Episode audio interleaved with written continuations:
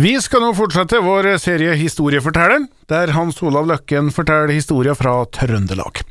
Nå skal det handle om Meråkerbanen.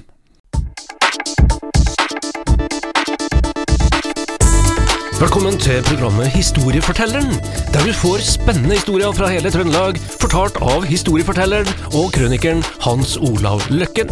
Her i Nea Radio hver tirsdag fra klokka ti over åtte, og med reprise på ettermiddagen ti over fem. I Nea Radio.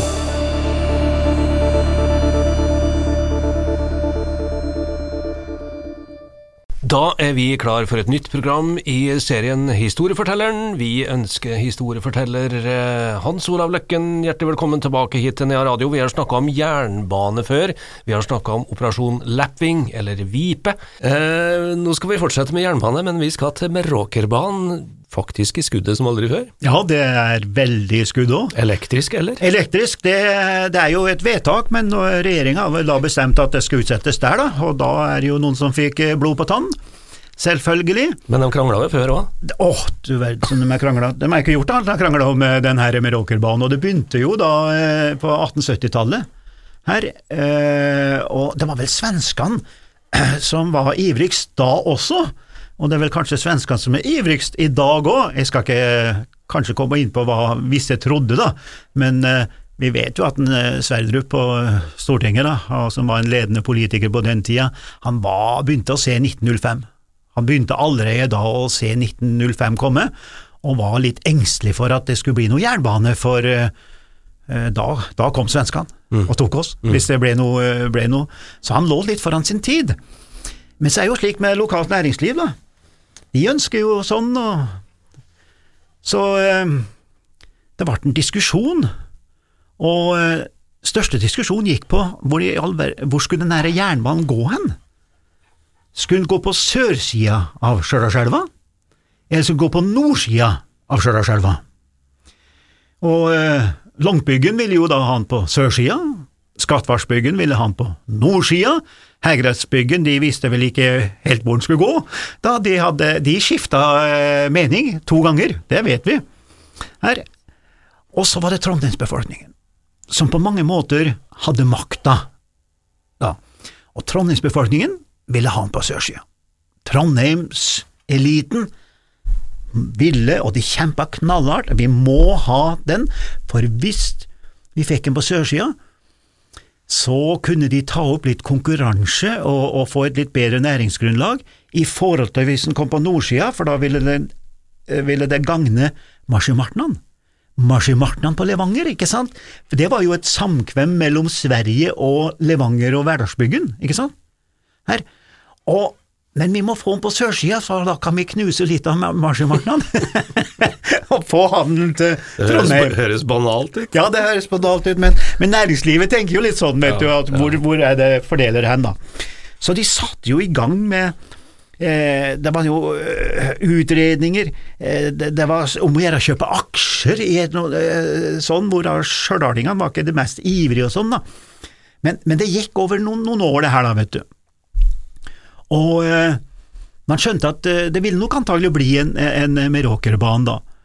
Og eh, Sverdrup sjøl, da, han foreslo eh, direkte ut at eh, vi må, eh, skal vi bygge banen, så bygger vi den i Olav Høylagets spor. Vi, vi, I Verdalen? Ja, vi tar den i Inndalen. Vi tar der og oppover, og Verdalen og rundt hele greia, for da kom svenskene til å si nei, og da ble det ikke noe bane. der, så, og, og og, og, men så har vi de her fem store på Stjørdal, da. Det er, det er, fem store gårder på Stjørdal. Det er fem virkelige eh, mektige gårder på Stjørdal her, og det er da Værnes hovedgård, som er nummer én. Så er det da, eh, er, er det da på eh, Hongset, som er nummer to. Re nummer tre, Mæle nummer fire og By nummer fem. Disse var proprietærer. De styrte alt. De hadde full kontroll på hele, hele Stjørdalsdalføret. Eh, de hadde mange ansatte, vi vet at Re gård var nesten oppi 300 ansatte. Altså, De drev ikke bare med gårdsbruk, ikke sant? Og disse hadde full kontroll på bygda. De blanda seg ikke med andre folk, sånn Jon Leirfall skriver jo da i Stjørdalsboka at de, de omgikk ikke andre enn seg sjøl, og sånn skulle det være. Og de, de festa og herja og styrte og sto i, og det er mange historier, da. Og de en av de som virkelig var mest for den her Meråkerbanen, han het Karl Carl Løken. Han var da, eh, eide da brenneriet på By, så han var interessert i å få et jernbanespor opp til By gård, som ligger ved Haraldreina der, da. Så de her stjørdalingene, de fant ut at de skulle ta jernbanen fra Hell, som da er sentralt, og rett nordover på Langøra, den her sandbanken som går parallelt med, med E6, ikke sant? Og som går bort til der Statoil har hovedkontoret i dag. Da. Nå heter jo ikke Statoil lenger, da, men eh, jeg husker nesten ikke hva det het, det nye navnet. Men der skulle de da gjøre en 90 graders sving, og følge E14-traseen i dag til Sverige, og med et sidespor opp til by, da. Der. Det var det de gikk inn for. Og hvordan skulle de vinne den kampen her?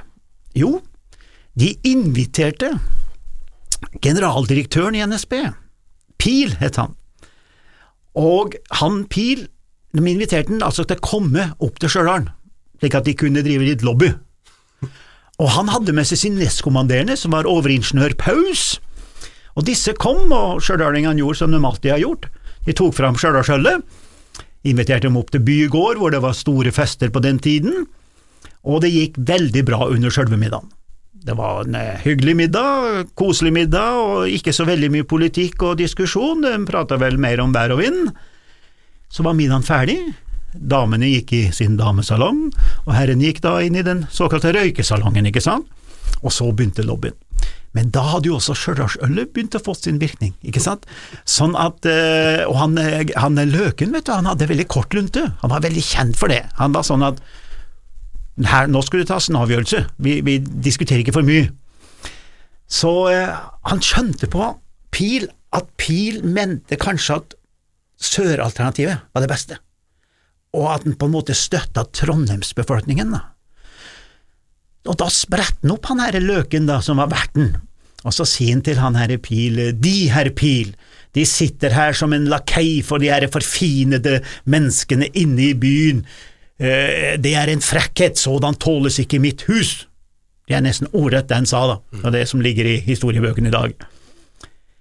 Men da, vet du, ble han Pil fornærmet, så han Pil spredt også opp, da, her, og var i god form, og så sin eh, på sådan eh, uhøflighet eh, svarer man ikke, farvel, mine herrer. Så han forlot selskapet, så der gikk toget i dobbel forstand. Ja. Så det så, så, der satt de her fem mektige, vet du, og ble nesten stum, og Pil tar med seg pause og drar tilbake til Oslo, og eh, tre uker etterpå kommer det brev fra departementet om at jernbanen skulle da ligge på sørsiden. Og hva førte det til? Jo, da ble de så forbanna, de fem store på Stjørdal, at de eh, møtte da heller ikke opp til åpninga av Meråkerbanen den 22. juli 1882. Hva kan jeg lære av det her, da? Ikke for mye Stjørdalsøl, eller? Ja, jeg tror nok kanskje det at vi kan begynne der, i hvert fall, så man kanskje komme i mål på en litt bedre måte. Men det var jo et forsøk på skikkelig lobbyvirksomhet, ja, jo, sånn som vi ser i dag? Ja, den gangen så var jo ikke noe, visste jo ikke hva ordet lobby var Nei. den gangen, men, det, men de brukte jo de kanalene man hadde her, og uh, man kjempa for sitt, og, og, det gjør vi i dag òg.